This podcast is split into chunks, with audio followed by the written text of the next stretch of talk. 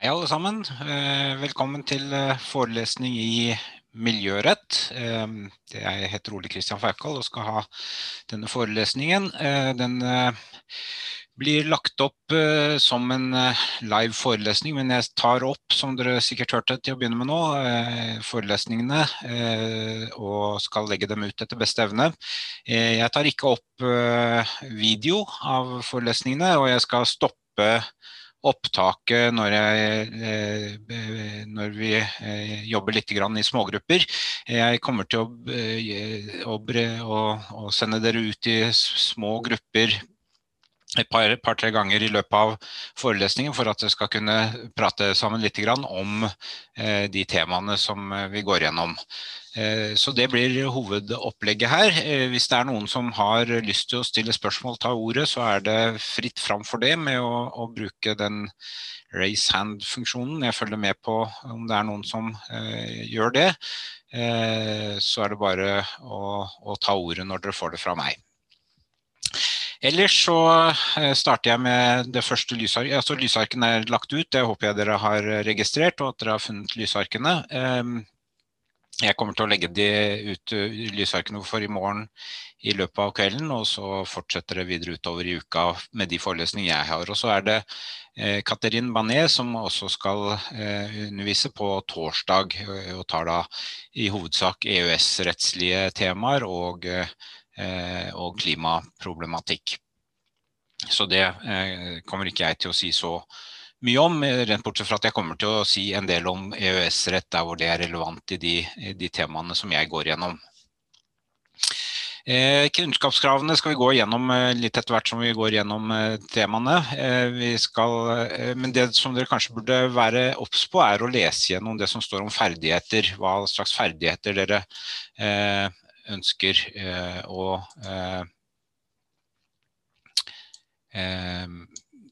og, og, eh, og, eller som dere skal ha som følge av kurset. Nå fikk jeg en chatmelding her. Eh, vær vennlig å ikke bruke chatten hvis dere ikke har noe veldig viktig eh, som dere vil formidle til meg. Ok. Kunnskapskravene er greie. Ferdighetene det er, er litt, kanskje litt overraskende hva vi venter av ferdigheter på dette kurset, eller dette emnet.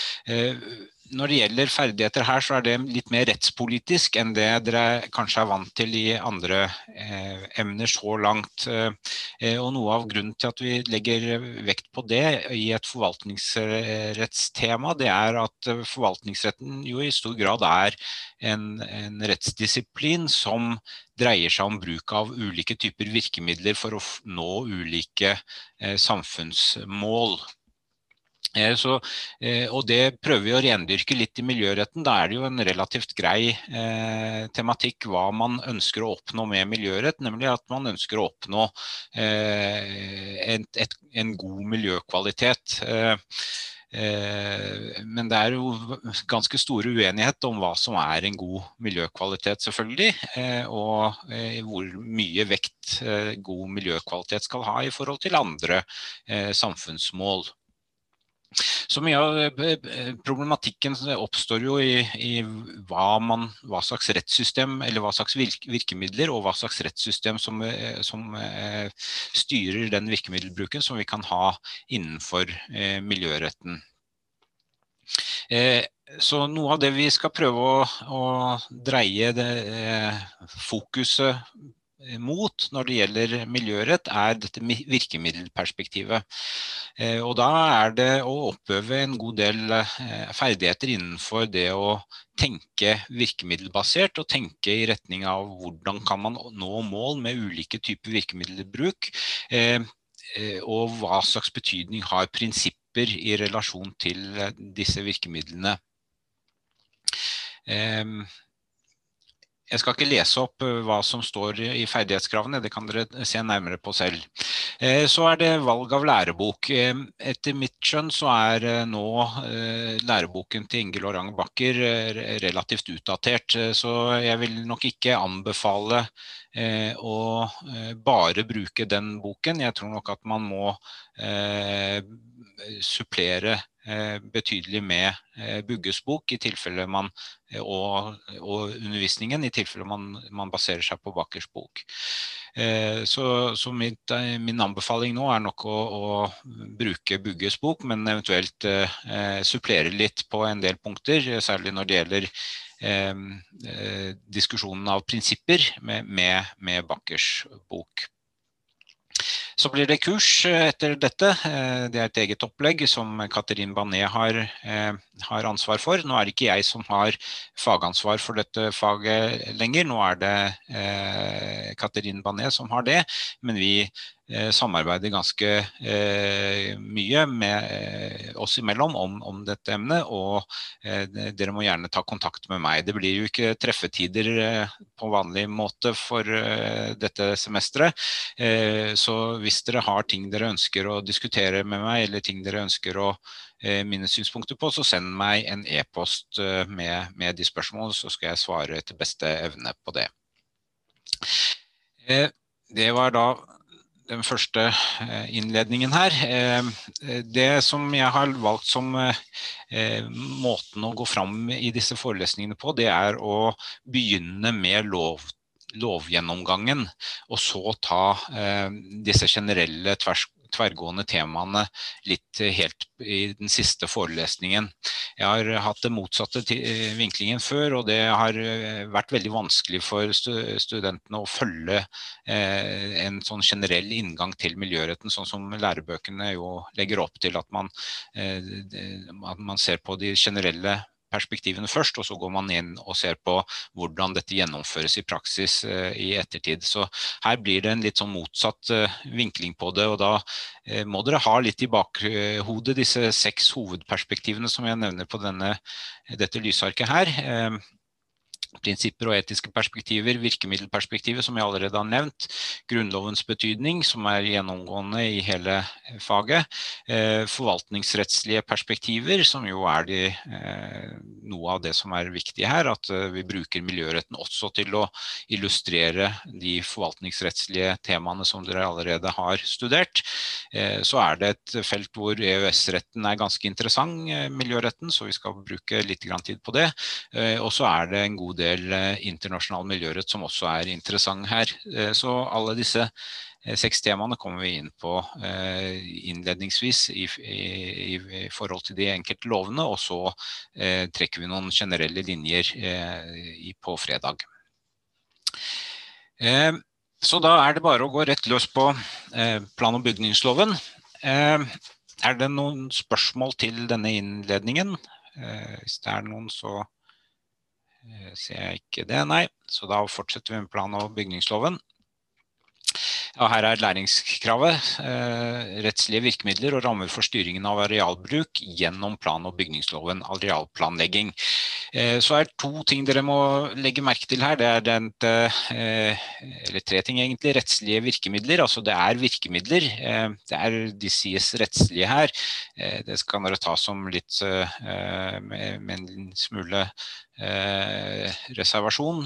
Det er ikke bare altså normative virkemidler eller rettslige virkemidler som er det sentrale. Skal vi se, er det noe ja, powerpointen er litt små på skjermen. Det er ikke så mye jeg kan gjøre med det. Det må dere nesten, Hvis dere har den situasjonen at powerpointen blir liten på skjermen deres, så må dere nok eh, minimere eh, visningen av andre ting. Eh, og så blir powerpointen større. Så det er ikke noe jeg styrer herfra. Så er det disse eh, ja, så Det ene er disse rettslige virkemidler, eh, med fokus da på virkemidler. Rammer for styring av arealbruk. Eh, det er to temaer der. Det ene er at, at man setter rammer. altså at Plan- og bygningsloven er en rettslig rammesetting i forhold til arealbruk. Og det dere skal også legge merke til, det er at at eh, areal, det er en fokus på planlegging, arealplanlegging, eh, og ikke så mye på byggesakstematikken. Så er det litt om plan- og bygningslovens betydning. Det er sånn at plan- og bygningsloven regulerer så å si all fast eiendom. Det er noen unntak fra det, og det gjelder i hovedsak for verneområder, men ikke alle typer verneområder som vi skal komme tilbake til. Så så å si all fast eiendom som og den som da ikke er vernet etter naturmangfoldloven, eh, faller inn under plan- og bygningsloven. Og det betyr jo at den er en forferdelig viktig lov, rett og slett. Den styrer eh, hvordan vi får lov til å bruke den eiendommen som vi har, både offentlig eiendom og privat eiendom. Eh, det er også en kjernelov når det gjelder balansen mellom lokalt selvstyre og nasjonale interesser. Eh, og som vi skal komme inn på, så innebærer denne loven eh, en, en sterk vektlegging av lokalt selvstyre. Men ikke uten at det balanseres mot de nasjonale interessene, selvfølgelig.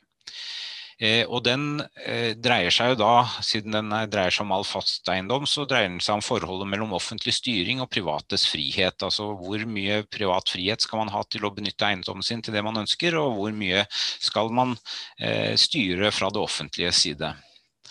Det er omfattende forarbeider til denne versjonen av plan- og bygningsloven som vi har nå, som kom i 2008. Dere ser her en liste over disse Eh, forarbeidene. Det er to odelstingsproposisjoner som vi har en egen for plandelen i loven og den andre for bygningsdelen. Og de ble vedtatt hver for seg, disse to delene av loven. Eh, så er det hele fire NOU-er, to fra planlovutvalget og to fra bygningslovutvalget. Eh, så vi hadde to forskjellige utvalg som så på disse to forskjellige sidene av loven. Eh, og Da får man på en måte også det inntrykket at dette like gjerne kunne vært to lover som én lov. Eh, og Det er det mange land som har, og det har vi også hatt i Norge tidligere. Men, men det er veldig gode grunner for å ha dette som en felles lov.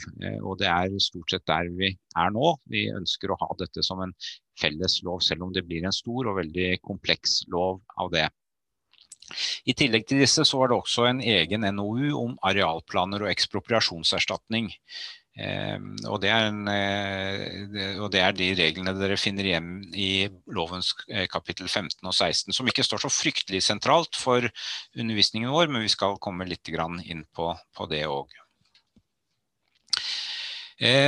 Det er da tre sentrale utgangspunkter når dere studerer denne eh, loven. Det er denne forankringen i lokale folkevalgte organer. Altså at loven er veldig mye en lov om kommuner og hva kommunene kan gjøre og hvor grensene går for hva kommunene kan gjøre og staten eh, kan overstyre. Så er Det andre eh, perspektivet det er at forvaltningsloven er sekundær i forhold til Eh, til eh, forvaltnings, forvaltningsloven er sekundær i forhold til plan- og bygningsloven. og Det følger av paragraf 1-9. Dette gjelder jo for så vidt generelt, men det at vi har en, en særregel her i paragraf 1-9 som regulerer forholdet mellom forvaltningsloven og plan- og bygningsloven, det er, det er en, et, et interessant perspektiv som dere må få med dere. Eh, og så er det, eh, er det virkeområdet for, for loven, eh, og det er da ikke bare landarealet, men også sjøareal. Nå har ikke loven hatt så fryktelig mye virkning i sjøarealet så langt, men begynner, den begynner å få en god del virkninger også der. Og Mye av grunnen til det er at de fleste kommunene ikke har foretatt noen regulering av, eller noen planregulering av områdene til sjøs. Eh, I økende grad så, så gjør kommunene det nå, men loven har jo ikke så veldig god eh, utforming av de reglene som gjelder om planlegging til sjøs, som vi skal komme tilbake til etter hvert. Så er det et tematisk viktig unntak eh, som dere også skal være obs på. og Det er eh, et unntak for alt som eh, angår energioverføring Eh, det er i paragraf 1-3, så det er unntatt fra loven som sådan, men med et forbehold om konsekvensutredning. Og så er det et, eh, et litt mm, snevrere unntak fra plandelen for energiproduksjon, så det kommer da i tillegg. Og det er der alle disse vindkraftsakene og vannkraftsakene kommer inn, eh, spesielt da. Men også andre typer energiproduksjon kan tenkes å falle inn under dette, dette temaet her. Som da gir staten en, en veldig mye sterkere posisjon i forhold til kommunene på akkurat disse innenfor dette saksfeltet. Så er det tre hovedelementer, sånn juridiske hovedelementer som vi skal fokusere på. Det ene er utarbeidelse av planer. Hva er planer? Dette er jo et plansystem, så det betyr at vi driver med planlegging av hva som kan gjøres fremover. Og dette er på en måte den, den planloven som vi har i Norge som sier noe om hvordan vi skal planlegge samfunnsutviklingen. Så er det krav om tillatelse til arealdisponering. Altså det blir en, det vi kaller en speilvending her. At det som normalt uten denne loven ville vært tillatt, det er nå forbudt med mindre man har en tillatelse. Og så er det spørsmål hva er det som da blir forbudt med mindre du har en tillatelse. Og det er der man må inn og se på paragrafene 1-6 og 20-1. Eh, og det er, jo noen eh, nyanser i dette som er ganske vanskelig. Hva er det man har lov til å sette opp i strandsonen f.eks., og hva er det man har lov til å sette opp på en eiendom som ikke er i strandsonen. Det er faktisk eh, forskjellig. Hvis man er i strandsonen så får man ikke lov til å gjøre en del ting som man kan gjøre hvis man har en eiendom som ligger lenger inne i eh, landet. Eh, så er det tredje perspektivet, det er at det finnes en god del lovfestede krav og en god del skjønnsmyndighet som er delegert til eh, ulike organer i eh, bygningsdelen i loven i kapittel 27-30 i plan- og bygningsloven.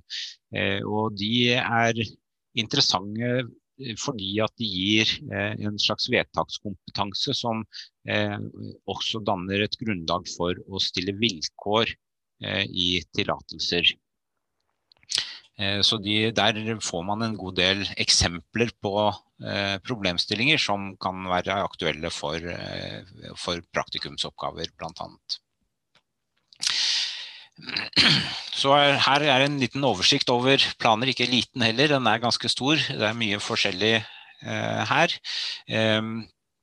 Eh, vi opererer da med tre nivåer, statlig, regionalt og kommunalt. Regionalt er det det samme som fylkesnivå, eh, men i denne loven har man valgt å kalle det regionalt nivå.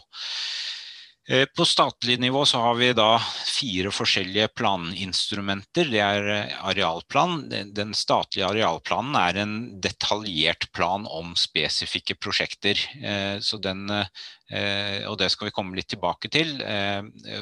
Og jeg var inne på dette unntaket for energiproduksjon, anlegg til energiproduksjon. Og det er et av de temaene som kommer opp der i forhold til statlig arealplan, er at dersom man ikke klarer å bli enig med kommunen om eh, at her skal det være vindkraft, så eh, vedtar man at dette er eh, å anse, denne konsesjonen er å anse som en statlig arealplan, og dermed så blir den bindende for kommunen. Ja, man kan tvinge gjennom konsesjonen, eh, selv om den er i strid med de planene som måtte være på kommunalt nivå.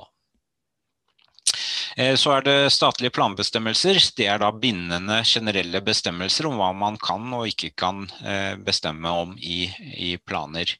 Retningslinjer, de sånne statlige bestemmelser, de er veldig sjeldne. Det har vært om kjøp, etablering av kjøpesenter blant annet.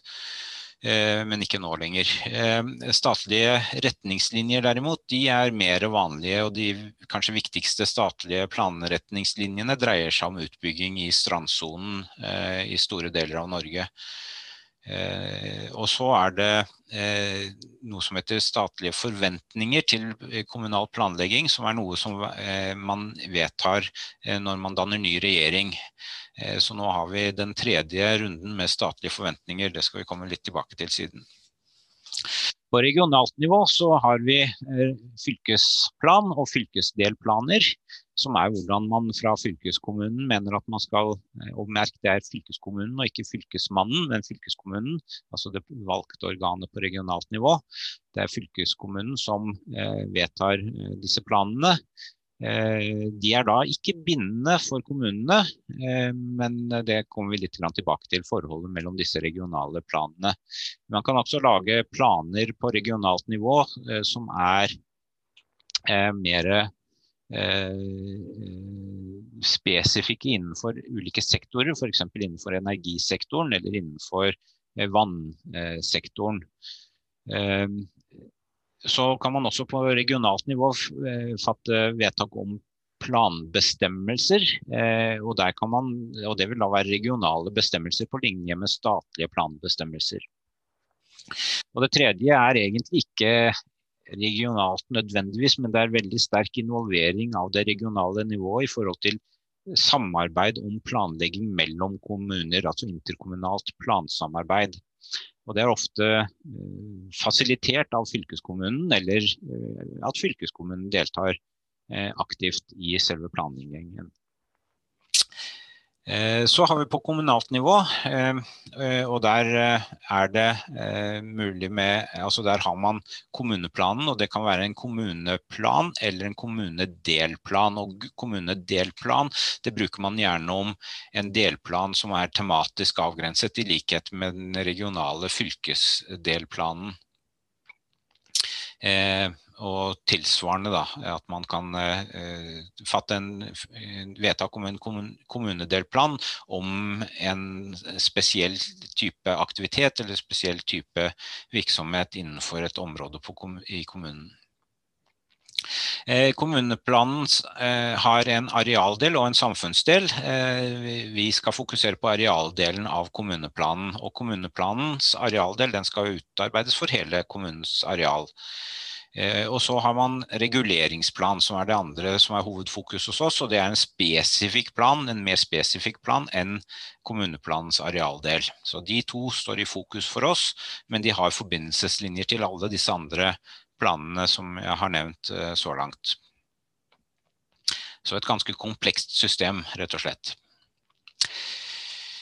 Eh, ja, eh, så nå har vi sett litt på hva, eh, hva, dette plansystemet er. Eh, så skal vi se litt på hva er formålene i plan- og bygningsloven. Og det er to nivåer for formål her. Det ene er formål på lovnivå, og det andre er formål på plannivåene. Eh, på eh, lovnivået ser dere fire temaer som er nevnt i paragraf 1-1. Eh, bærekraftig utvikling, samordning. Eh, bærekraftig utvikling er altså Eh, altså Poenget med bærekraftig utvikling er i stor grad hensynet til langsiktighet. Eh, at man skal eh, ikke benytte mer ressurser eller eh, forårsake større ødeleggelser enn at de som kommer etter oss har omtrent de samme mulighetene for å, å, ha en, en god tilværelse. Og det gjelder vel ikke bare mennesker, men det gjelder også eh, miljøet. Eh, så man skiller gjerne mellom økologisk, økonomisk eh, og sosial bærekraftig utvikling. Eh, de tre elementene. Eh, og eh, økologisk sier seg vel selv, eller miljømessig bærekraftig utvikling. Når det gjelder sosial bærekraftig utvikling, så dreier det seg i stor grad om, om likhet eller, eller, like muligheter i en sosial setting.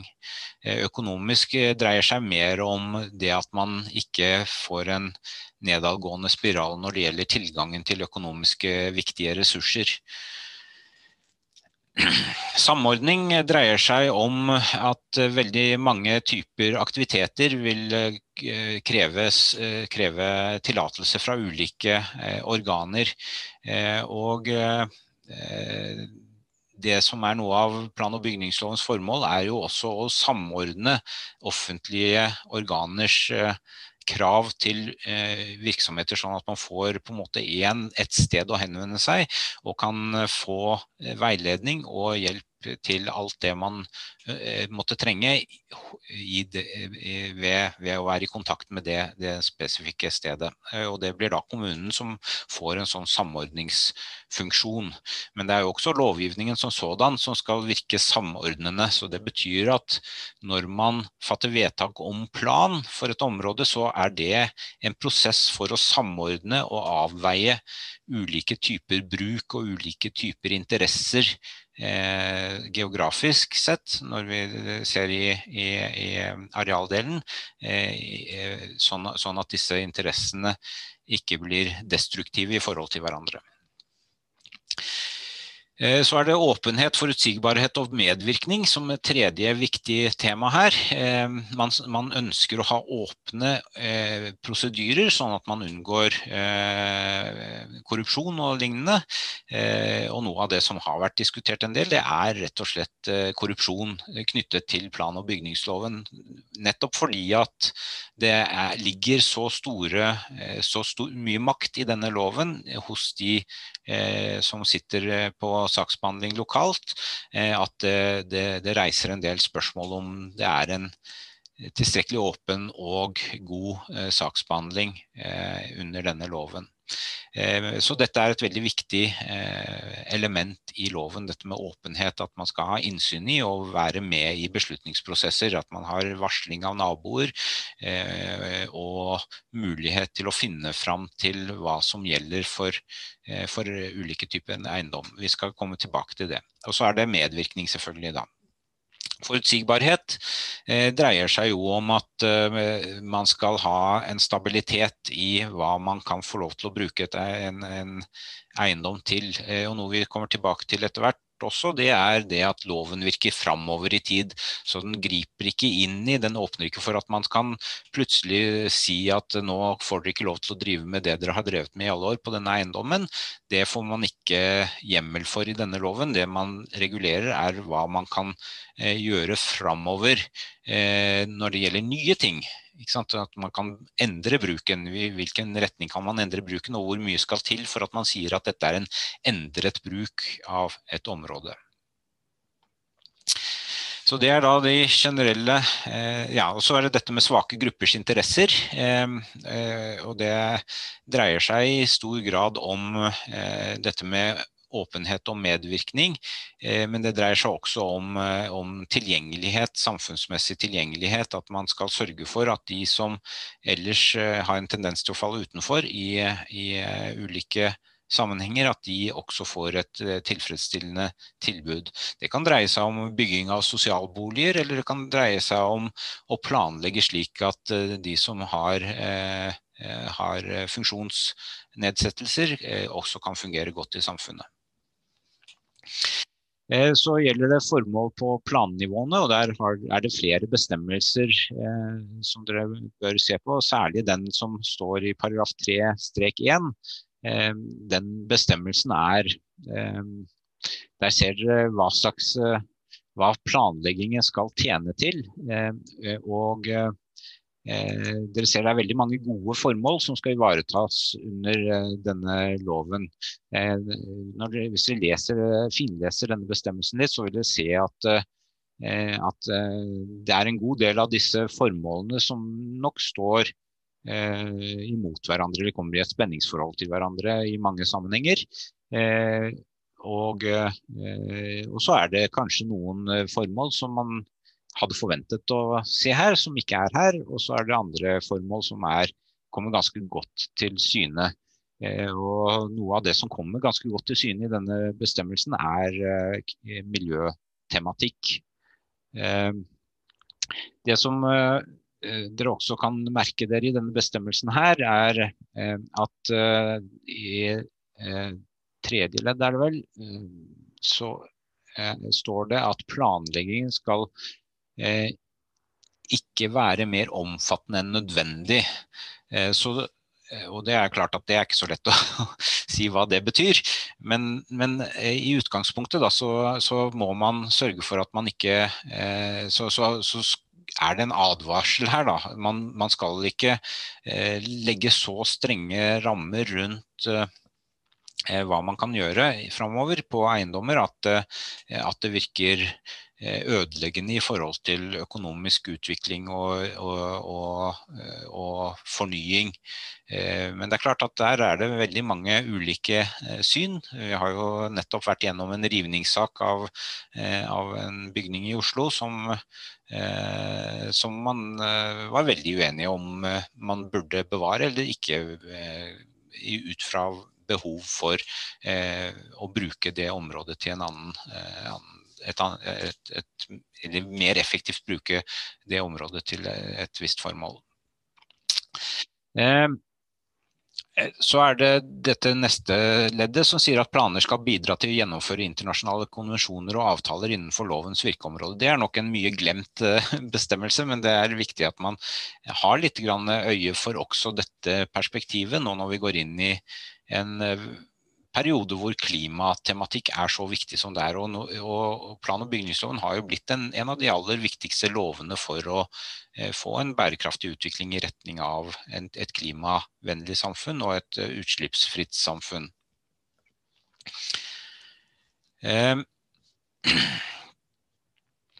Eh, så kan man jo spørre er det plass til eller behov for prinsipper når man har så mye detaljer om hva som er eh, formålene til disse planene på ulike nivåer.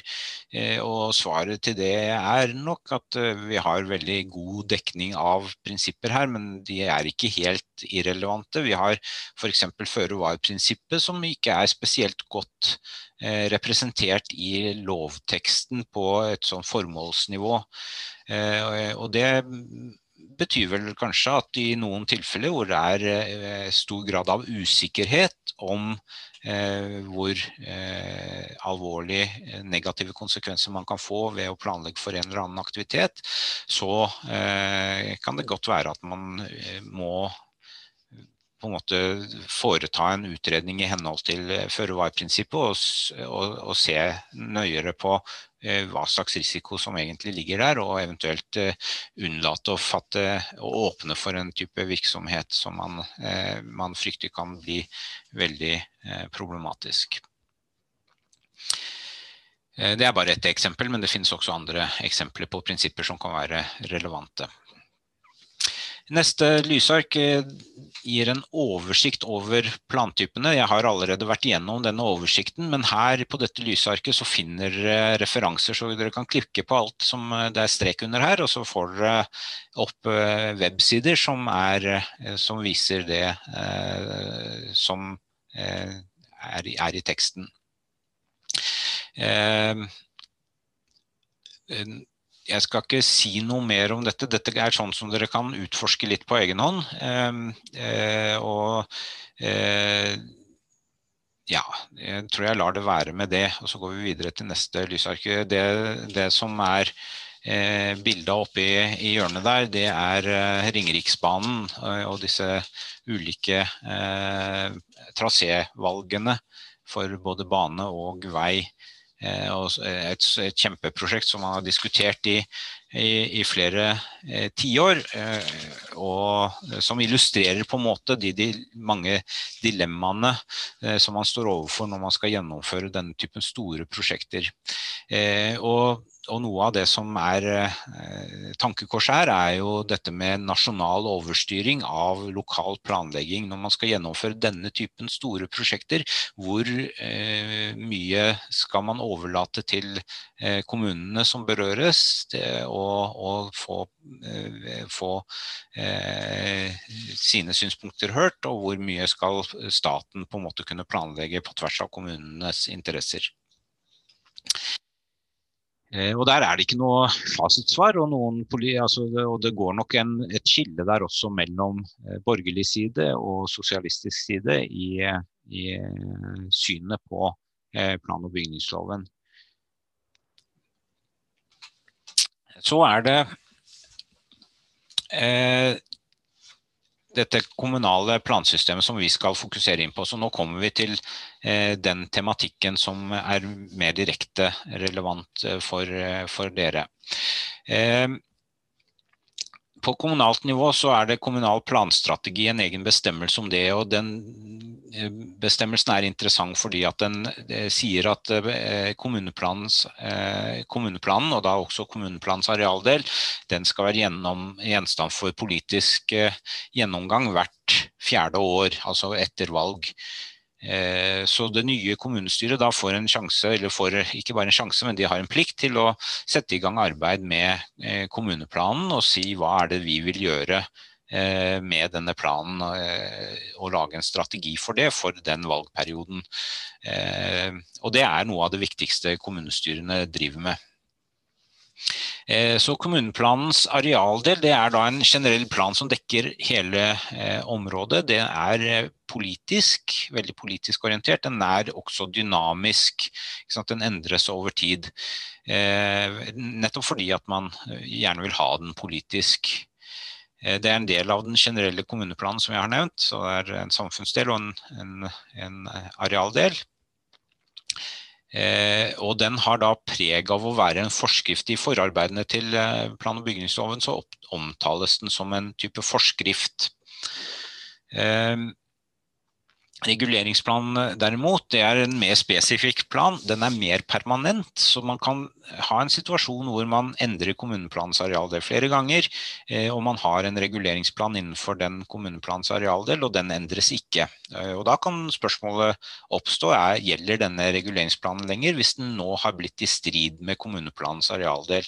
Og svaret på det er at eh, den ikke gjelder lenger i den utstrekning den er i strid med en nyere plan.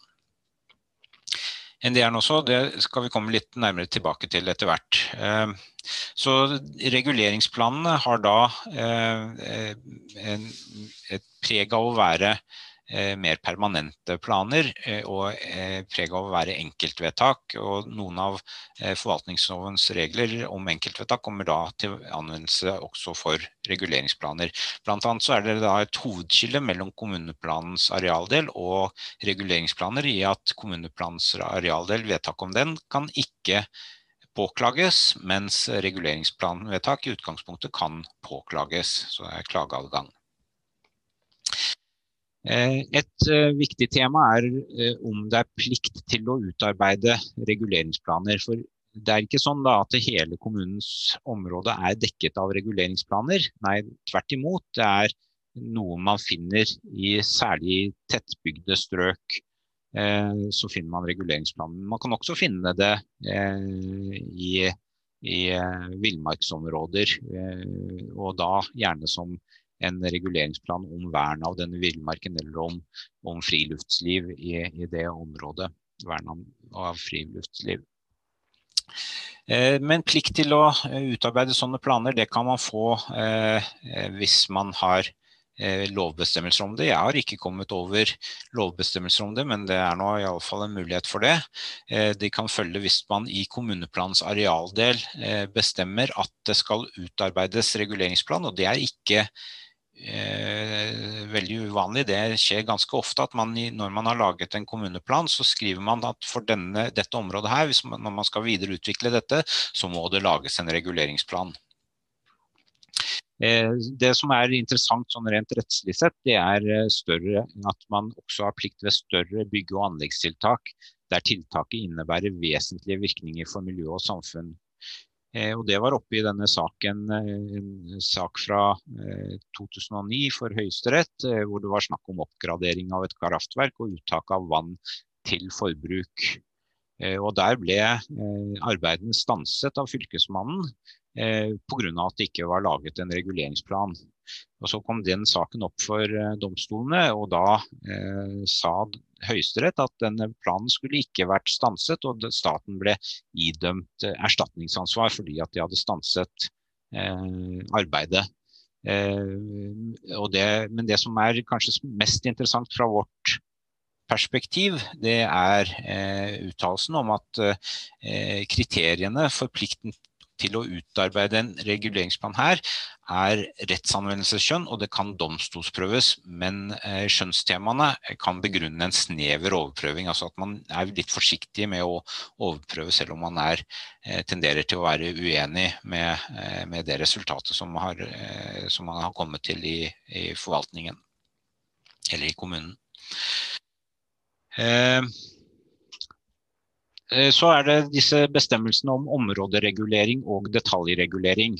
Og det dere skal være oppmerksom på der, er at en reguleringsplan enten er områderegulering eller detaljregulering. Så den er ikke noe annet enn det. Eh, områderegulering det vil være den typen reguleringsplaner der hvor kommunen har et hovedansvar. Det er eh, regulering av litt større områder og hvor man har et prosjekt eller noen prosjekter som man ønsker å gjennomføre. Typisk i mange kommuner så lager de eh, næringsarealer som områderegulering, hvor man samler ulike næringsklynger og noe offentlig virksomhet og sånt noe, og så, og så skal man ha det et, et samlet sted. Eh, uh, de områdereguleringene de eh, vil veldig ofte være, og nesten alltid vil jeg vel si, være utarbeidet av kommunen, men ikke ikke nødvendigvis eh, være kommunen som eller offentlige myndigheter som utarbeider disse områdereguleringene. Detaljregulering derimot er et veldig konkret prosjekt, et mye mer detaljert eh, utbyggingstiltak. Og eh, der vil det være veldig ofte private som lager det, denne reguleringsplanen. Eh, eh, men for begge, både områderegulering og detaljregulering, så er det selvsagt slik at de vedtas av kommunestyret eller kommunen. Eh, så da har vi kommet Hvis det er noen som blir fortvilt nå, så skjønner jeg kanskje det. Da har vi på en måte gjort oss ferdig med de helt generelle temaene, og så skal vi gå inn i de eller den innledende fasen. Nå skal vi gå inn i disse eh, delene av loven og se litt nøyere på dem. Eh, hva man har lov til å gjøre. og Det er noen generelle og noen spesielle temaer som jeg kommer til å gå gjennom nå. det er fem generelle temaer, og de har jeg sortert litt etter, etter, etter hva slags type Eh, eh, hva slags type problemstillinger som oppstår. Forholdet mellom plantypene, inndeling i soner, eh, kompetanseplassering og dispensasjoner, rettsvirkninger for borgerne, kontroll og klage. Alt dette er på en måte noe som korresponderer med generelle forvaltningsrettslige temaer. Og så er det noen spesialtemaer som er, er spesielt interessante i forhold til plan- og bygningsloven, hvor det er en del kontroversielle spørsmål som kommer opp. Det er utbyggingsavtaler. Eh, det dreier seg om strandvernet, det dreier seg om konsekvensutredninger, og så må vi også ha litt om byggesaksbehandling for å forstå loven ordentlig. Så da går vi løs på eh, forholdet mellom eh, plantypene. Jeg skal først si litt om om det er hierarki mellom planene. Og det er veldig vanlig da, når man snakker med planspesialister at de snakker om et planhierarki. Eh, men for jurister så gir ikke dette god mening. Det er ikke et hierarki mellom disse planene. Det er ikke sånn at eh, de, de planene som kommer fra staten, styrer de planene som kommer fra eh, fylkene, som styrer de planene som kommer fra kommunene. Det er ikke sånn dette systemet fungerer. Det er snarere tvert imot at det er kommunene som begynner eh, og som har hovedansvaret her, og som, eh, som i utgangspunktet styrer dette systemet. Eh, og, så er, og, så responderer mer disse andre nivåene til det som skjer på, på kommunalt nivå, hvis det er grunn, grunn til det. Men det er også noe, så det er, det er, i hovedsak et lokalt system. Men det er også da et system som åpner for at når det er store viktige nasjonale eh, prosjekter som skal gjennomføres, så kan man overstyre og, og kjøre, kjøre, dette fra nasjonalt nivå. Eh, så jeg har allerede besvart noen av disse spørsmålene. Statlige planbestemmelser og statlig arealplan de er bindende. Og der blir det en type hierarki. Eh, og der er det interessant å merke seg paragraf 11-18, som er et, eh, en, en, hjemmel for å, å, fatte vedtak om at man ikke kan fravike eh, de planene som er vedtatt. Eh, og Det kan dreie seg om at nasjonale myndigheter har forhandlet lenge med en kommune, og kommunen til slutt har gitt seg, og så har de fattet vedtak om eh, en plan. Eh, og Så sier myndighetene ja, vi skal ha trygghet for at dette ikke blir endret med det neste kommunestyret. så Dermed så fatter de vedtak om at denne planen kan ikke endres på så og så lang tid framover. Eh, tilsvarende regional planbestemmelse er også en hierarkisk bestemmelse som man ikke kan fravike. Interkommunalt plansamarbeid derimot, det er eh, kanskje litt overraskende at selv om man da har forhandlet mellom kommuner og kommet fram til en felles plan, og alle kommunestyrene har vedtatt disse planene, så er ikke det til hinder for at et kommunestyre sier ved neste korsvei at nei, vi er ikke helt fornøyd med dette, så nå bryter vi dette samarbeidet. Eh, det har de mulighet til å gjøre, eh, uten at de andre kan motsette seg det. Eh, og så er det noen bestemmelser til kommuneplanens arealdel, og de er heller ikke, selv om de kalles bestemmelser, regional planbestemmelse og statlig planbestemmelse er, er, eh, bindende, men disse bestemmelsene til kommuneplanens arealdel, de er ikke eh, bindende i den forstand at man ikke kan fravike dem i senere planer. Så det som gjelder her, og kan, her er det mange lovhjemler å, å, titte litt nærmere på, men det er at de skal legges til grunn. Altså at det som ligger i en plan fra før av, det skal legges til grunn i, når, det, når, det, skal vedtas nye planer. Eh, så det blir da en presumpsjon for å følge eh, disse eh, planene som allerede eksisterer, men man kan begrunne en fravikelse. Man kan, kan være velge å la være å følge planene. Det som blir rettsvirkningen hvis man lar være å følge de planene som ligger der fra før av, det er at man risikerer innsigelser. Så det er viktig å få med seg at det er en type forhåndskontroll her før Eh, planen er vedtatt, så kan man, når man får en sånn utkast til plan, og de skal sendes rundt til mange forskjellige, og det er deltakelse i utarbeidelse av disse planene, når man får de på høring, eh, så kan man fremme innsigelser. Og, hvis, og når man fremmer innsigelser, så blir det en, en eh, forhandling mellom kommunen og de som har innsigelser til planen. Og hvis man ikke klarer å bli enige gjennom de forhandlingene der, så går saken videre til departementet, og det er da Kommunal- og moderniseringsdepartementet som får den saken på sitt bord. Og da må de eh, avgjøre den, den, innsigelsen, om den skal eh, tas til følge eller ikke. Eh, så det er da dette med legges til grunn og rettsvirkninger. Eh, så er det spørsmål da, det har vært fattet et nytt planvedtak, og det ser ut som det er i strid med det som har vært eh, gjeldende tidligere. Hva skjer da? Og da er det lex posterior, altså den nyere planen går foran den eldre planen. Og det gjelder uansett hvilken plan det er snakk om, med mindre man har en av disse hierarkisituasjonene. Eh, noe av det som er eh, et litt underliggende problem her, det er å konstatere motstrid.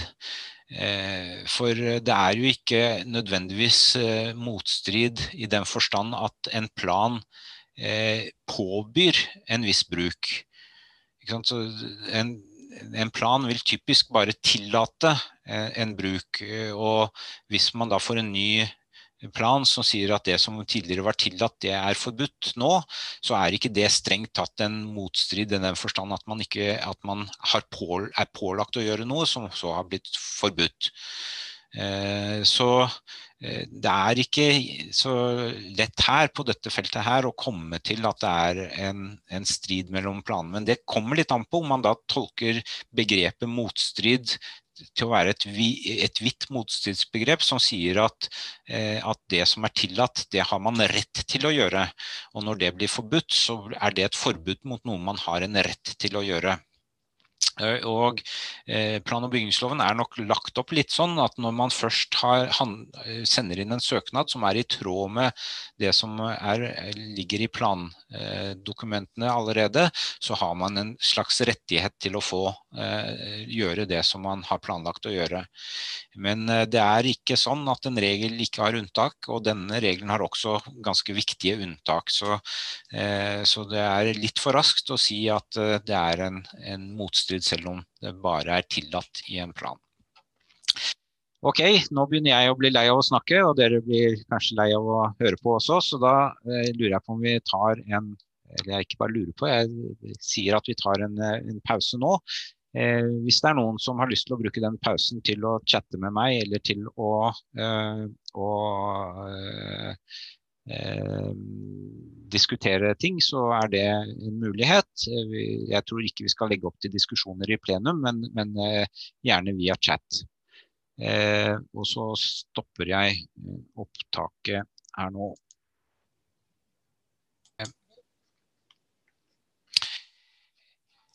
Og eh, da eh, vil jeg bare gi dere noen tilbakemeldinger på hvordan jeg mener at Eller hva slags grunner det er til at man har såpass få og lite Eh, utstrakt bruk av eh, hierarki på dette punktet.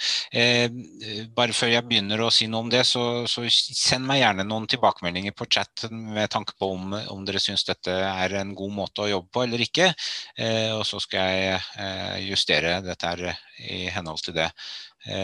Men fint å få litt tilbakemeldinger om, på om dere syns det er ålreit å bruke tid på sånne chatterom som dette. Eh, så Grunner til at man ikke har hierarki, er eh, disse som jeg har nevnt her. Fleksibilitet. Eh, at man har behov for fleksibilitet for framtidig bruk. Det er et en annet hovedhensyn her er at man, at man kan, som man kan legge inn, er demokratihensyn. Altså at det er det nye flertallet som egentlig skal bestemme hva, hva som skal skje på et område i framtiden. Det er også det kommunale selvstyret, lokal forankring, at kommunen eh, kan gripe inn også der hvor eh, andre myndigheter har vært inne og planlagt og, og, gjennomført prosjekter, så kan kommunen ta tilbake igjen noe av eh, selvbestemmelsen gjennom å fatte vedtak om nye lokale planer.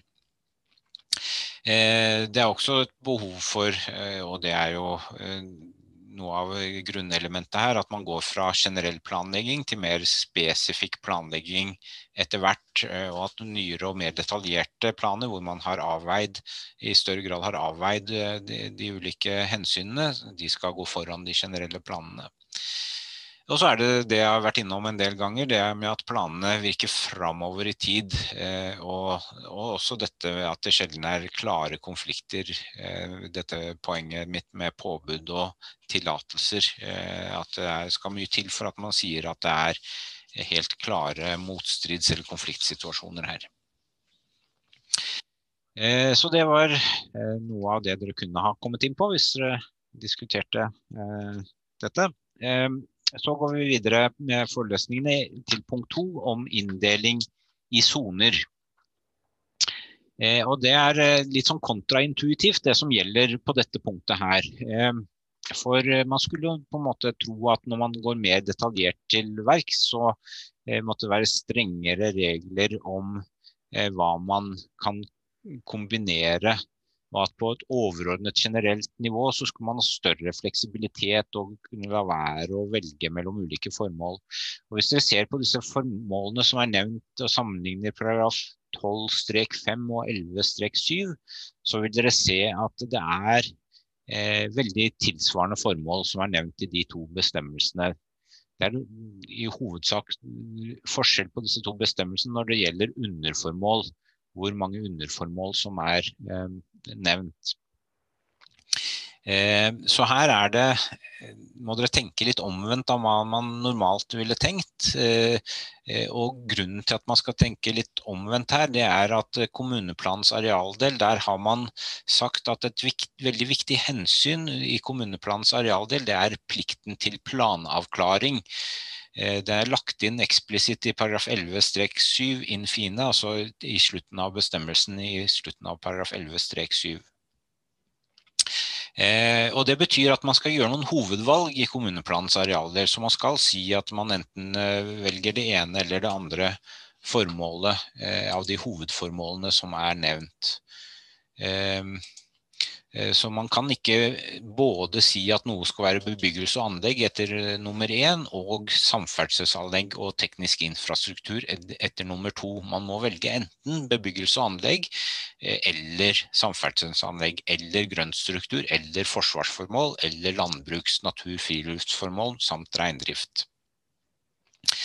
Og så ser dere det er nevnt mange underformål her òg, og da må man også normalt velge ett av de underformålene, og ikke blande dem sammen. Så man skal foreta denne hovedplanavklaringen eh, både på hovedformål og på underformålnivå.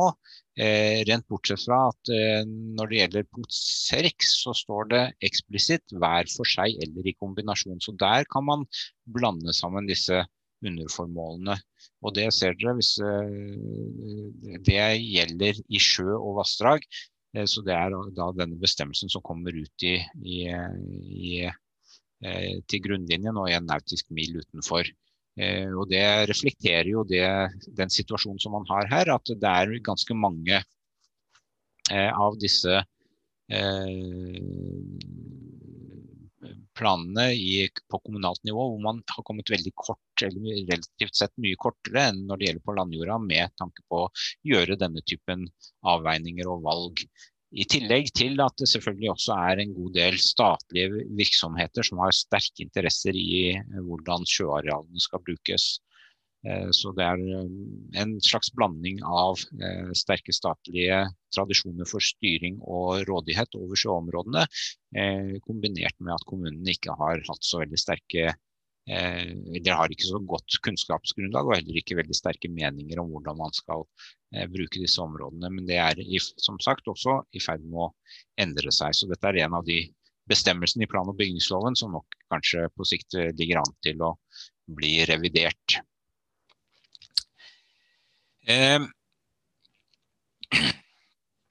Så er det eh, adgangen til å spesifisere bruken, og der ser dere det er eh, det poenget mitt med underformål har jeg allerede tatt opp. Og dere ser også at det er ganske mange bestemmelser i, eh, når det gjelder kommuneplanens arealdel om dette med hensynssoner.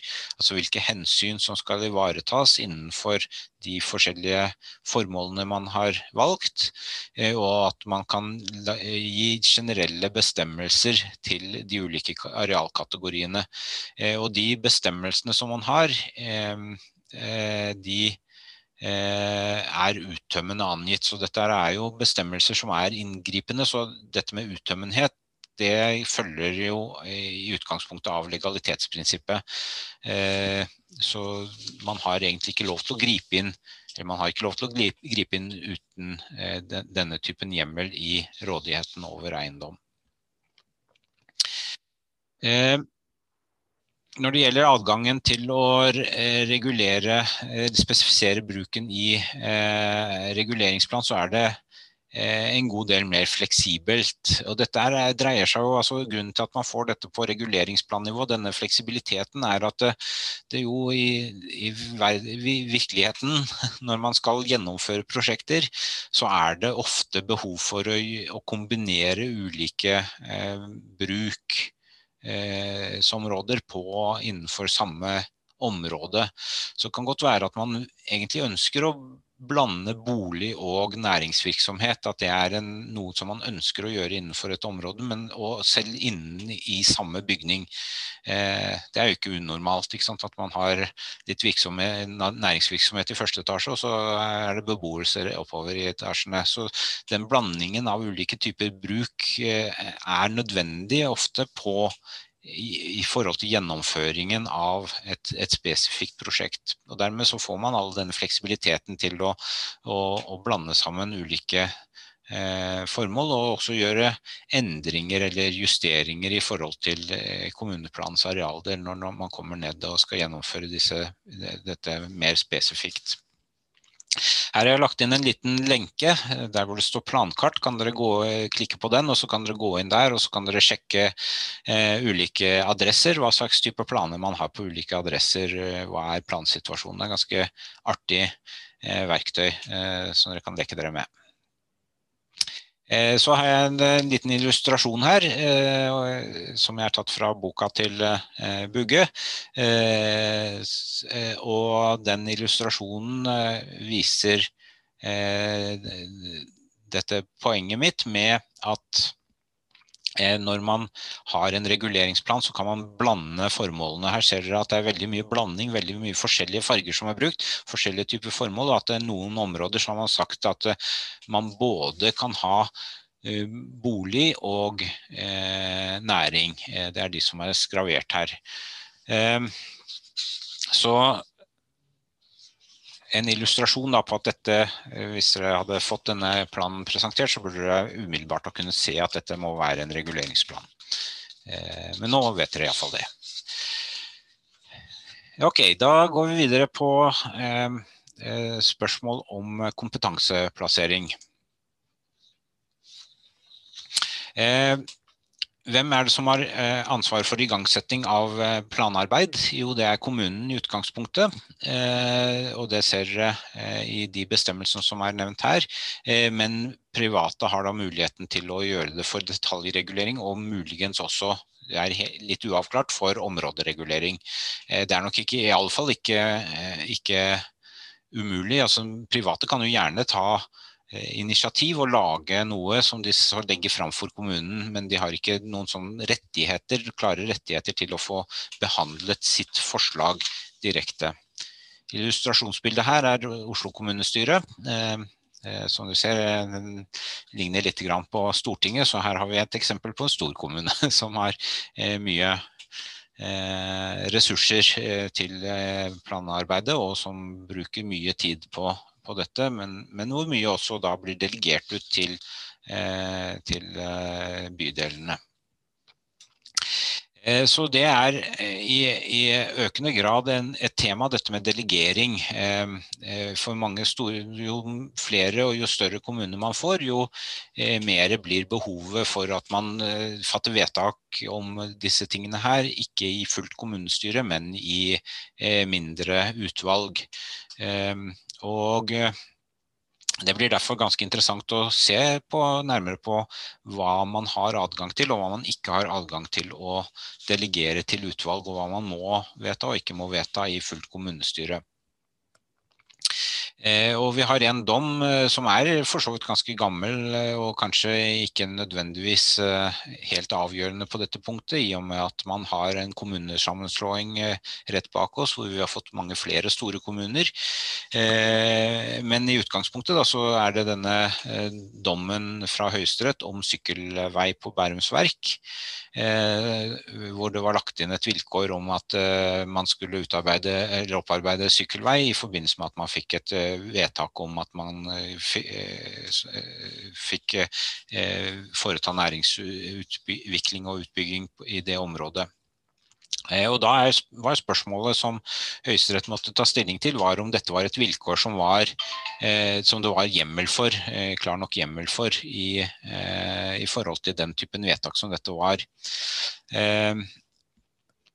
Eh, og det Høyesterett sa om, eh, om, denne typen vedtak, som er ganske interessant, det er eh, at når man fatter vedtak om ny plan, så kan man ikke stille denne typen vilkår med mindre man lager det i form av en utbyggingsavtale. Så, og det kommer vi tilbake til senere. Når man fatter vedtak om ny reguleringsplan for et område, så må man eventuelt legge inn sånne ting etter en, en forhandling med utbygger, og så komme til at dette er et vilkår vilkår som man eh, vil ha oppfylt eh, på den måten. Eh, når, hvis man gir en dispensasjon fra en eksisterende plan, så vil man nok kunne ha, også kunne ha denne typen vilkår. Men når, hvis det er en mindre endring, mindre planendring, så mener de, mente Høyesterett at da måtte man være mer restriktiv eh, med bruken av vilkår. Da må man enten fatte vedtak om ny plan, eller fatte vedtak om dispensasjon, ikke går via en sånn delegert myndighet.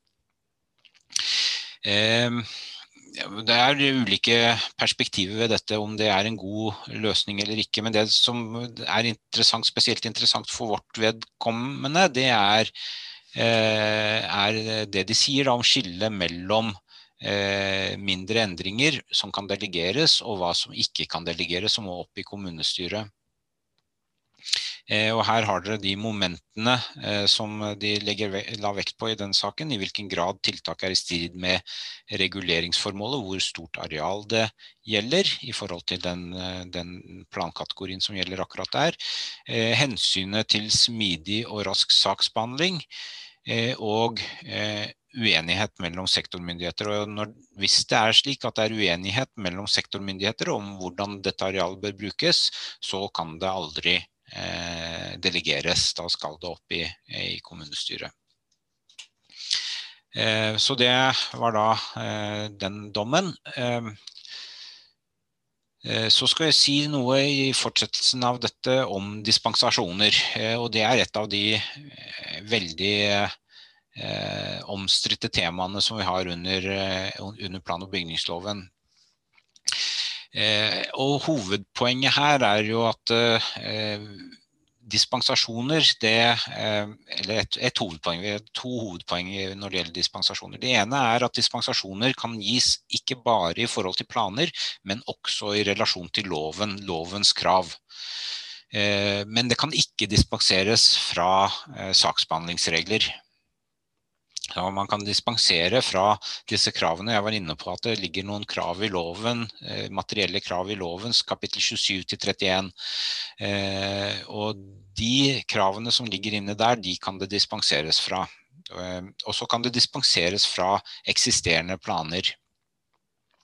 Så spørsmålet er, spørsmålet er hvor mye skal til før man kan få lov til å dispensere. Eh, og i parentes bemerket så er det andre hovedpoenget er da eh, grensen mellom dispensasjon og ny plan. For hvis man foretar eh, veldig alvorlige eller omfattende dispensasjoner, så er jo det en måte å komme seg unna saksbehandlingsreglene på. Da må man ikke via alle disse høringene og alt dette greiene her. Da, da, har man en mye enklere måte fram til et vedtak om at man får lov til å gjøre noe som man i utgangspunktet ikke hadde lov til å gjøre på dette området. Eh, og Det innebærer jo at når man fatter vedtak om dispensasjoner, så får man ofte eh, tredjepartshensyn som stilles eh, til side for at kommunen og en eller annen person er enige om at dette, dette er jo et fornuftig, eh, en fornuftig bruk av dette området. Og vi trenger ikke egentlig å gå via kommunestyret for å, å, å, å gjøre, gjøre dette mulig for deg. Og Her er vi litt i kjernen av eh, noe av det som er et underliggende tema i hele plan- og bygningsloven. og som er, Da er vi litt tilbake igjen der i paragraf 3-1 òg. Eh, at man ikke skal planlegge mer enn det som er nødvendig. Eh, og at, eh, at, noen ganger så er det hensynet til effektivitet og at ting kan skje uten altfor store kostnader eh, og innen rimelig tid, et viktigere hensyn enn at alle blir hørt i alle retninger og får lov til å protestere. Eh, nå er det ikke sånn at eh, man kan fatte vedtak om dispensasjon helt uten videre heller. Det er regler om det òg. Eh, men, men, men, og man har klageadgang, så mange av disse dispensasjonssakene blir jo påklaget. Men det er klart at hvis det blir veldig mange dispensasjoner, så er det en grense for hvor mange av de dispensasjonene man iallfall som miljøorganisasjon da, kan, kan engasjere seg i. Eh, så her er det da disse eh, to vilkårene. Eh, hensynene bak bestemmelsen eller hensynene i lovens formålsbestemmelsene må ikke bli vesentlig tilsidesatt. Altså bestemmelsen i planen eller loven må ikke bli vesentlig tilsidesatt, og fordelen må være klart større enn ulempene. Og det er ikke tvil om at disse unntakene her, om de er oppfylt eller ikke, de kan domstolsbehandles. Eh, det skrev man eksplisitt inn i forarbeidene. Ehm, og grunnen til det var at man tidligere under den forrige regelen om dispensasjoner, så sto det at man kunne dispensere når det forelå særlige grunner. Og så kom det opp i den berømte Tralfa-dommen, eh, hvor eh, man da kom til at domstolene ikke kunne prøve særlige grunner, til tross for at både teori og, og en del praksis rundt omkring hadde lagt til grunn at domstolen kunne prøve dette temaet. Nå skal det sies at Tralfa-dommen var litt spesiell, eh, eh, for her var det gitt en dispensasjon, og så ble den trukket tilbake. Den dispensasjonen, og så klaget næring, den næringsdrivende over at denne var trukket tilbake. Så det er på en måte en motsatt situasjon av den situasjonen hvor næringsdrivende får Eh, eller den som ønsker endring, får en dispensasjon, eh, og eh, hvor andre tredjeparter blir berørt av det. Så her var det rettssikkerheten for den som hadde søkt om dispensasjon som var problemstillingen, mens i andre tilfeller så er det rettsstillingen til de berørte tredjeparter som er problemstillingen. Så det er ikke gitt at man hadde kommet til samme resultat i Tralfa-dommen hvis eh, rettssikkerheten til tredje, berørte tredjeparter hadde vært det som hadde vært eh, gjenstand for eh, den dommen. Men uavhengig av det da, så er det nå eh, slik at, eh, at man kan prøve disse vilkårene. Og så skal det legge særlig vekt på helse, miljø, sikkerhet og tilgjengelighet, eh, i tillegg til at disse minstevilkårene skal oppfylles. Så har det kommet forslag til lovendring, og det disse forslagene vitner om, er at denne regjeringen vi har nå, er ikke særlig fornøyd med eh, at domstolene kan prøve, og at det er såpass strenge regler, rammer for eh, dispensasjonsadgangen. Så eh, begge disse to forslagene, det ene er tilbakelagt, der led regjeringen nederlag i, i, det første forslaget. Dere kan slå opp det gjennom denne lenken. Og i det andre forslaget ligger nå denne eh, Høringsfristen har akkurat gått ut. Eh, og det er noe av det samme, men ikke så vidtgående eh, endringsforslag som det, det foregående endringsforslaget. Så her eh, får vi se hva som skjer eh, med plan og begynnelse på akkurat dette punktet. Det er, siste ord er ikke sagt her. ja, så det var dispensasjoner. Ehm, så skal vi gå litt inn på rettsvirkninger eh, for borgerne.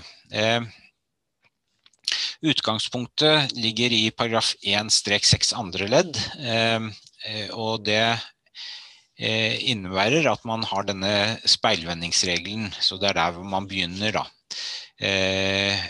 Og det oppstiller da krav om søknad og tillatelse.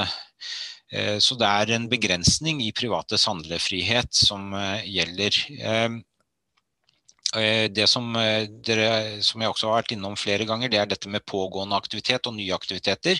Så pågående aktivitet, det huset som står på eiendommen, den aktiviteten som pågår i denne bygningen som er på eiendommen, det kan fortsette eh, uhindret av nye planvedtak. Uh, og når det gjelder eh, grensen mellom pågående aktivitet og nye aktiviteter, så blir veldig fort Og det spørsmålet kommer jo da veldig raskt opp. Hvor, hvordan kan man endre huset sitt uten at det en måte kommer i konflikt med den pågående aktiviteten, og hvordan, i hvilken grad kan man oppgradere eh, en næringsvirksomhet, eh, modernisere, eh, kanskje eh, supplere med litt alternative inntektsmuligheter osv., eh, uten at man må, eh, må gå veien om enten å få en dispensasjon eller en ny Eh, plan eh, for det. Eh, og, er, og det er en veldig aktuell problemstilling knyttet til en praktikumsoppgave f.eks. Og der vil formålsbetraktninger være veldig viktige. Både planformålet, andre planvedtak som er knyttet opp mot den planen som er i et område. Altså man har Eh, prøvd f.eks.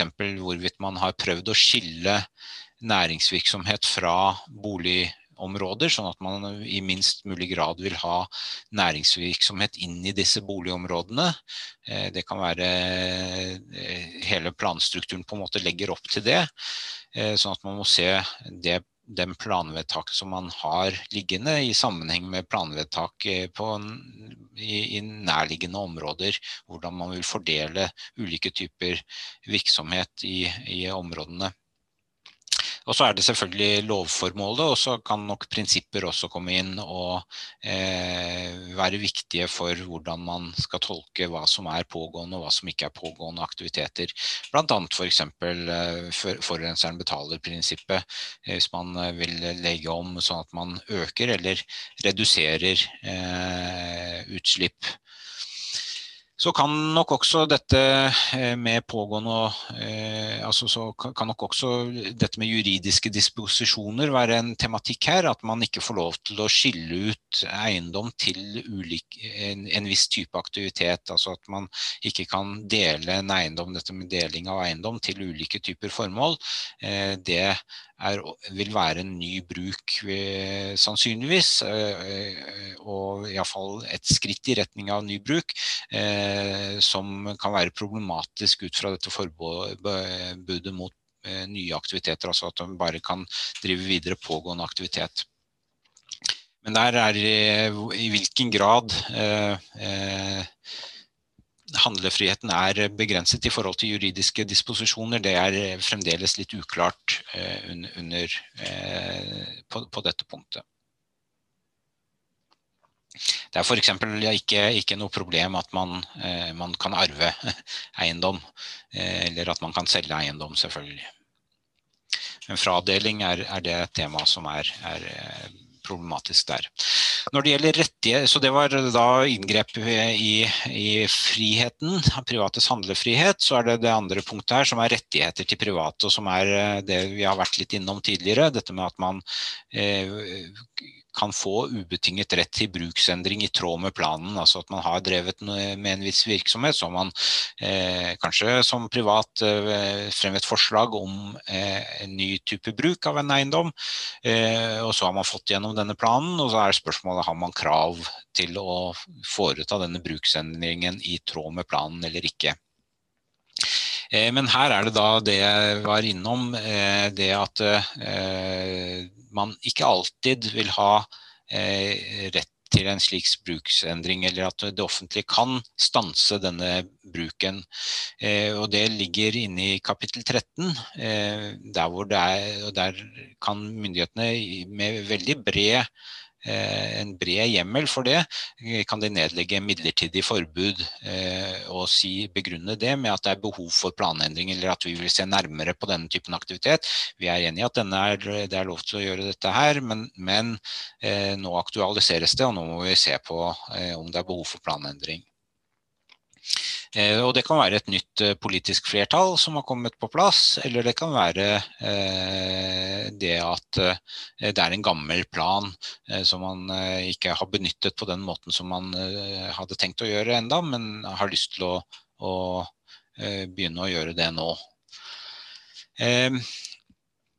Hvis Eh, og da er det et midlertidig forbud, så det kan ikke legges ned eh, permanent. Eh, men det er ganske vid mulighet til å, å forlenge forbudet utover de fire årene som man har adgang til i, etter, etter, denne hjemmelen i kapittel 13. Dette kan utløse krav på erstatning. Eh, og dette er da denne egne utredningen om erstatning for reguleringsplan, som jeg var innom eh, tidligere i forrige time. Eh, og kapittel 15. Der er det dels slik at hvis man vedtar en plan som innebærer en begrensning i hva man har gjort eller kan gjøre, kan, rent faktisk kan gjøre på en eiendom, eh, så eh, kan det være å anse som en rådighetsregulering eh, som kan utløse erstatningsplikt etter de alminnelige reglene om ekspropriasjon, men så har man da en egen regel i tillegg til ekspropriasjon i paragraf 15-3. Og Noe av det som er interessant i 15-3, det er jo dette at hvis man får lov til å drive med noe på sin eiendom som er veldig verdifullt, som, gjør, som hever verdien på eiendommen ekstremt mye, eh, men det forutsetter, går ut og forutsetter at andre ikke gjør det på sine naboeiendommer, eller at andre må begrense bruken av sine naboeiendommer, så eh, kan det bli en erstatning mellom private parter. Altså den som da får en stor fordel, må betale erstatning til de som får ulemper. Eh, og det har vi regler om i paragraf 15-3, femte ledd. Eh, og eh, hvis en, en, person rammes veldig hardt i forhold til hva eiendommen rent faktisk kan brukes til i framtiden, så kan det også gi rett til innløsning etter paragraf 15-1 og 15-2. Eh, og så er det en fjerde tematikk her, og det er betydningen av reguleringsplan. At det at det eksisterer en reguleringsplan for adgang til erstatning og for utmåling av denne erstatningen eh, når eh, noen kommer i en situasjon hvor man ikke lenger kan rå over eiendommen. Altså man, denne eiendommen overføres til noen andre. Altså i, i ekspropriasjonssaker. Eh, og da vil hovedregelen og utgangspunktet være at man har eh, krav på erstatning i tråd med den bruken som man har adgang til under eksisterende reguleringsplan. Eh, så reguleringsplanen har ganske stor betydning for eh, hvordan, eh, hvor stor erstatning man kan få i enkelte tilfeller. Eh, så det var rettigheter for private, og så er det rettsvirkninger for kommunen. Og det som er litt interessant her, det er at reguleringsplan kan brukes som grunnlag for ekspropriasjon. Eh, og Det betyr i realiteten at man kan ekspropriere til fordel for andre private. Eh, så det, det som eh, ikke, helt, er, ikke, er, helt upraktisk, er at det kommer noen med og fremmer en privat detaljregulering og sier at dette, vi mener nok at dette området best kan brukes til denne typen virksomhet. Og by the way, det er vi best til å gjøre, og de som da er Eh, er, eh, er eiendomsbesittere her, eh, de vil vi nå gjerne ekspropriere eiendommen fra for at vi skal kunne gjennomføre dette prosjektet. Så her har faktisk staten en ganske bred mulighet for å ekspropriere til fordel for private. Men det er jo Dels så er dette et ganske inngripende vedtak, selvfølgelig, og noe kommunen veldig ofte vil eh, være negativ til. Eh, og, eh, og dels så er det slik at man kan ikke uten videre kjøre over grunneier her. Grunneier selv har mulighet til å gjøre, gjennomføre det prosjektet på eiendommen. Eller skal ha den muligheten før man kan fatte vedtak om ekspropriasjon. Eh, og så er det selvfølgelig dette som jeg nevnte tidligere, at kan, kommunen kan få plikt til innløsning og erstatning, og det kan være ganske byrdefullt for kommunen. Så hele erstatningstem denne erstatningstematikken er i praksis veldig viktig, fordi at den ofte bringes inn eh, som et ris bak speilet hvis eh, kommunen eh, har planer om å gjøre noe som grunneieren er eh, veldig eh, negativt innstilt til. Da tenkte jeg at vi skulle ta et lite forsøk med summegrupper igjen. Eh, og dette er på en måte en sånn eh, en tematikk eh, som dreier seg om å skjønne forholdet mellom planene og andre typer vedtak under, under, kommune, under plan- og bygningsloven. Eh, så hvis vi tenker oss nå at eh, Og her ser dere da et litt annet kommunestyre, dette er ikke Oslo. Dette er eh, Jeg vet ikke helt hvilken kommune det er, forresten. Men det er da en, en kommune som samles i et, et, samfunnshus, sannsynligvis et eller annet sted. Eller en gymsal. Og dere ser det er litt, litt annen stil enn en Oslo kommune. Men ikke mindre viktig for de som bor i denne kommunen, selvfølgelig. Eh, men det, det, som jeg da vil utfordre litt på, det er dette spørsmålet om hvilke vedtak under plan- og bygningsloven det er som potensielt endres når kommunestyret vedtar endring av kommuneplanens arealdel. Så da skal jeg nå eh, etablere nye rom for dere. Eh, og siden vi er litt færre, så må det bli litt færre rom. Og så får dere noen få, få minutter til å, å diskutere gjennom dette. Vær så god.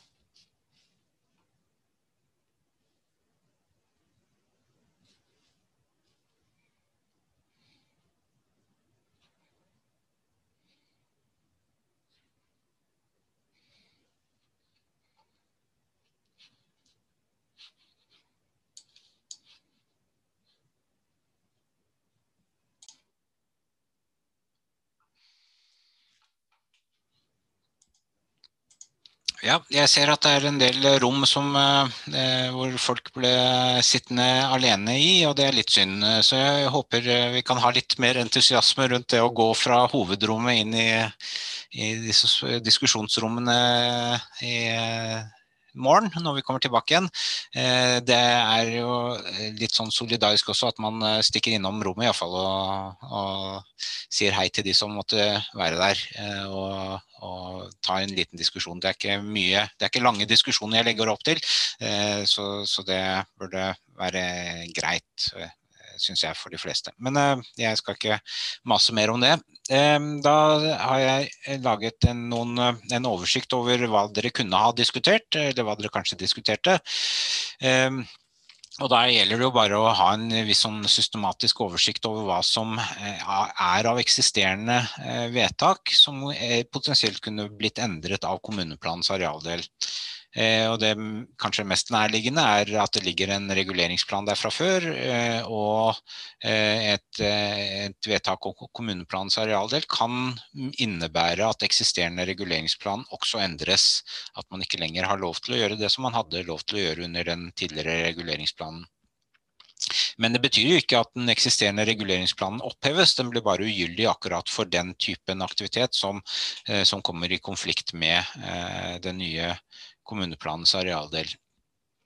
Eksisterende byggetillatelser vil ikke bli endret, så har man fått en byggetillatelse så har man det. Man kan ikke fjerne den byggetillatelsen med et vedtak om kommuneplanens arealdel. Interkommunal plan kan endres, så, eller interkommunalt plansamarbeid, og det vil jo ofte være i form av kommuneplanens arealdel at man har et slikt interkommunalt plansamarbeid. Så det ligger på en måte litt der i, i, i bunnen. Eksisterende fylkesplan kan også endres hvis man eksempel i en, en fylkesplan har lagt ut et område til eksempel vindkraft, så kan man si at nei, nei, dette ønsker vi ikke her i vår kommune, så nå vedtar vi at dette skal være landbruks-, natur- og friluftslivsområde eh, i stedet. Eh, og dermed så vil vindkraftplanen være skrinlagt for, for det området. Statlig reguleringsplan, der må man inn og se på hva slags vedtak som var fattet om den statlige reguleringsplanen i henhold til den konkrete planen. Og det kan være mulig at man kan fravike statlig reguleringsplan gjennom et vedtak av kommuneplanens arealdel. Statlige eller regionale bestemmelser statlige eller regionale retningslinjer endres ikke som følge av en ny kommuneplans arealdel, men når det gjelder retningslinjer så kan man jo velge å fatte et vedtak om plan som er i strid med de retningslinjene, eksempel å åpne for utbygging i et område som ellers ikke ville vært åpent for utbygging. Ok, da har vi kommet til punkt 5 om kontroll og klage, og klokken er 4, og da betyr det at vi avslutter for dagen i dag.